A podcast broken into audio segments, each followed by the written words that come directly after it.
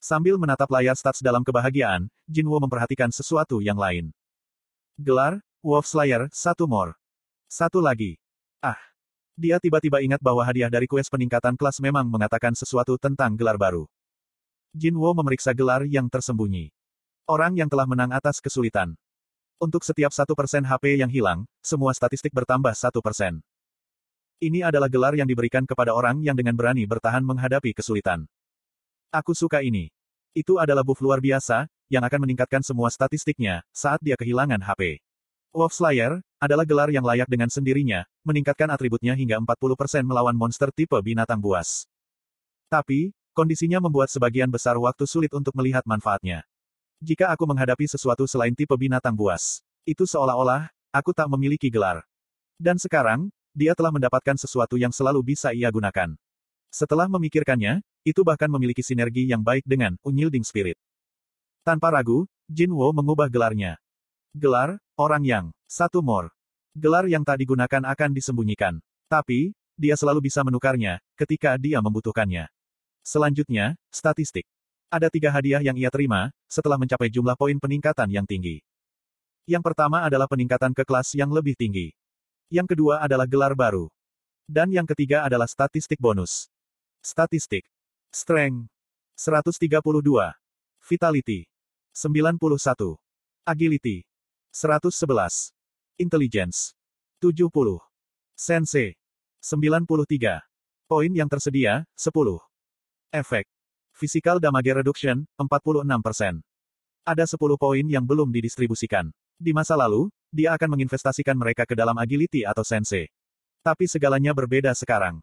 Jinwo memasukkan 10 poin ke dalam intelligence. Meski begitu, statsnya hanya baru mencapai 80. Asteris ding, asteris. Statistik. Strength. 132. Vitality. 91. Agility. 111. Intelligence. 80. Sense. 93. Poin yang tersedia, 10. Efek. Physical Damage Reduction, 46%.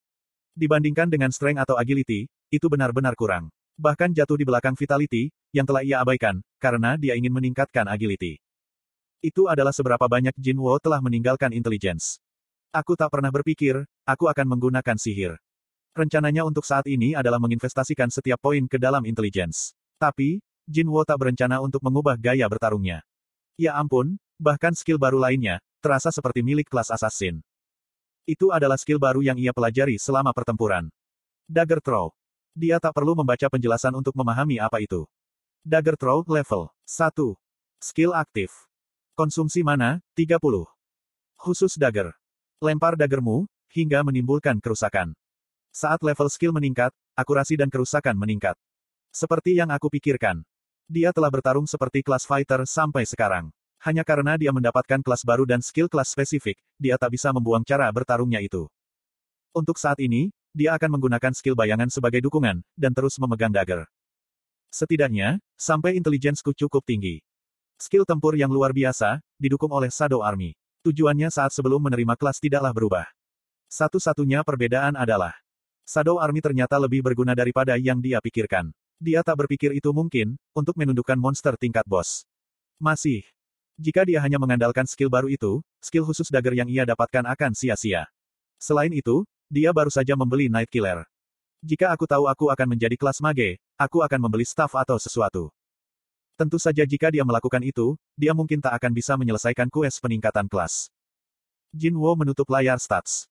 Dia sudah cukup menyerap semua informasi baru. Oh sial, waktunya. Dia telah menghabiskan 20 menit untuk ini. Jin Wo menggaruk kepalanya. Aku rasa, saatnya untuk keluar. Jin Wo menyeringai. Kekuatan statistik tak bersinar hanya dalam melawan monster. Ketika dia fokus, waktu akan melambat. Lebih tepatnya, Jin Wo menjadi sangat cepat. Dia membuka pintu dan keluar dari kamarnya. Mandi, keringkan tubuh, pakai baju. Semua butuh tiga menit.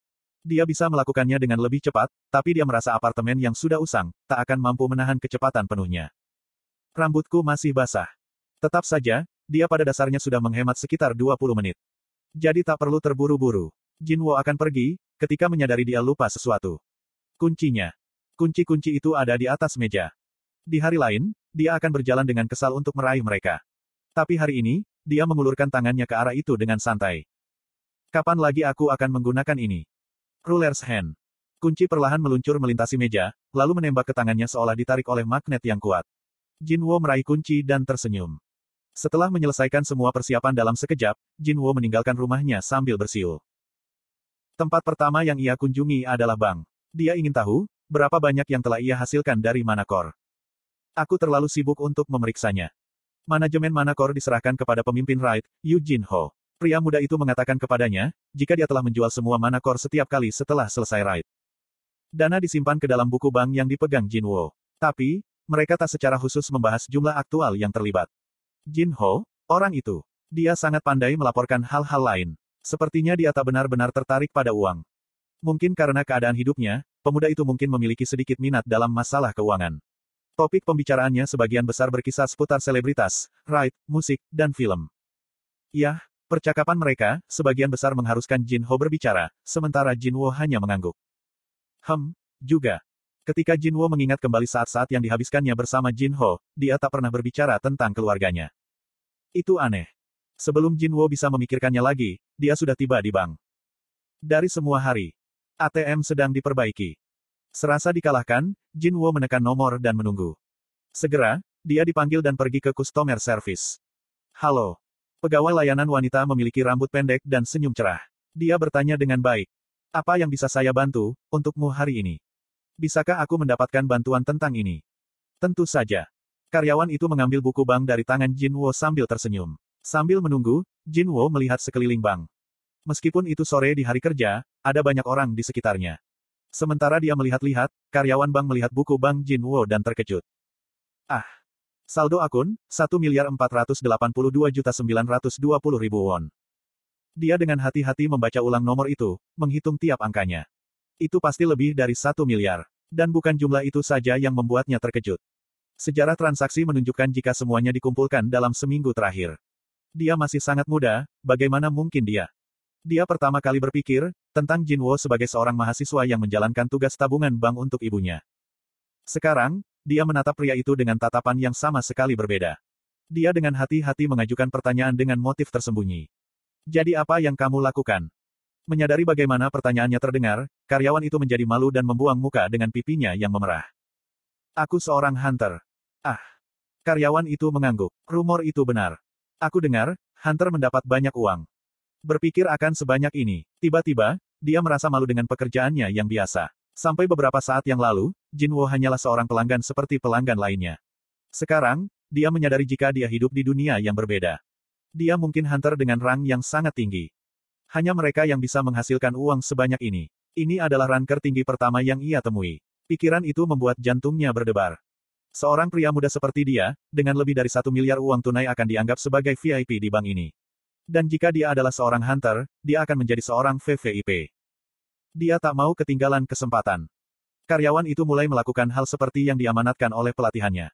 Jadi, ada produk baru untuk pelanggan VIP di bank kami. Senyum penggunaan bisnisnya telah berubah menjadi senyum asli. Matanya tertuju pada Jin Wo. Ya ampun, dia.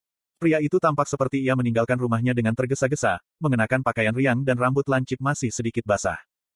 Dia menyadari jika dia mungkin menjalani kehidupan yang sangat sibuk dan mengambil waktu yang berharga untuk datang ke sini. Melihat seorang pria yang mampu, jantungnya berdetak lebih cepat. Sudah sangat populer di kalangan pelanggan. Apakah kamu mungkin ingin berinvestasi di dalamnya? Petik 2. Tapi Jinwo mengulurkan tangan. Tidak, aku baik-baik saja. Ah, oke. Okay. Dia tak bisa menyembunyikan kekecewaan dalam suaranya. Merasa percakapan panjang mungkin akan menyusul, Jinwo bergegas dan bangkit. Terima kasih atas kerja kerasmu. Sementara mengabaikan pandangan karyawan di bagian belakangnya, dia meninggalkan bank. Saat dia keluar, dia menghela nafas lega. Wah, dia telah memperhatikan perubahan di matanya, setelah dia mengungkapkan jika dia adalah seorang hunter. Pandangan orang lain, dan minat mereka, itu adalah sesuatu yang normal bagi hunter lainnya. Tapi tidak, bagi Jinwo. Aku rasa, aku harus terbiasa dengan itu. Begitu dia mengambil tes ulang dan mendapatkan ranker tinggi, perhatian padanya akan menjadi jauh lebih hebat. Dia telah mendengar jika Hunter bahkan memiliki penggemar dan paparazi sendiri. Mendongak, dia melihat papan reklame di atas sebuah bangunan dengan iklan. Modelnya adalah Hunter yang terkenal. Sebelum zaman Get, itu akan menjadi atlet atau selebriti. Sekarang, Hunter yang menerima cinta dari masyarakat. Jinwo mungkin akan menjadi sama seperti mereka. Sekarang ini, satu-satunya orang yang tak menyukai Hunter adalah perusahaan asuransi. Yah, bagaimanapun juga. Setelah meninggalkan bank, Jinwo akhirnya dapat memeriksa penghasilannya. Dia sangat terkejut. 1 miliar 482 juta 920 ribu.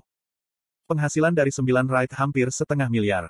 Rata-ratanya 160 juta per Dungeon Cerang. Mempertimbangkan Dungeon Cerang dengan Wang Dongseok membayar 180 juta. Dia secara kasar menentukan jika masing-masing guides Cerang akan memberikan 150 sampai 200 juta. Yah, karyawan mana pun akan terkejut setelah melihat ini.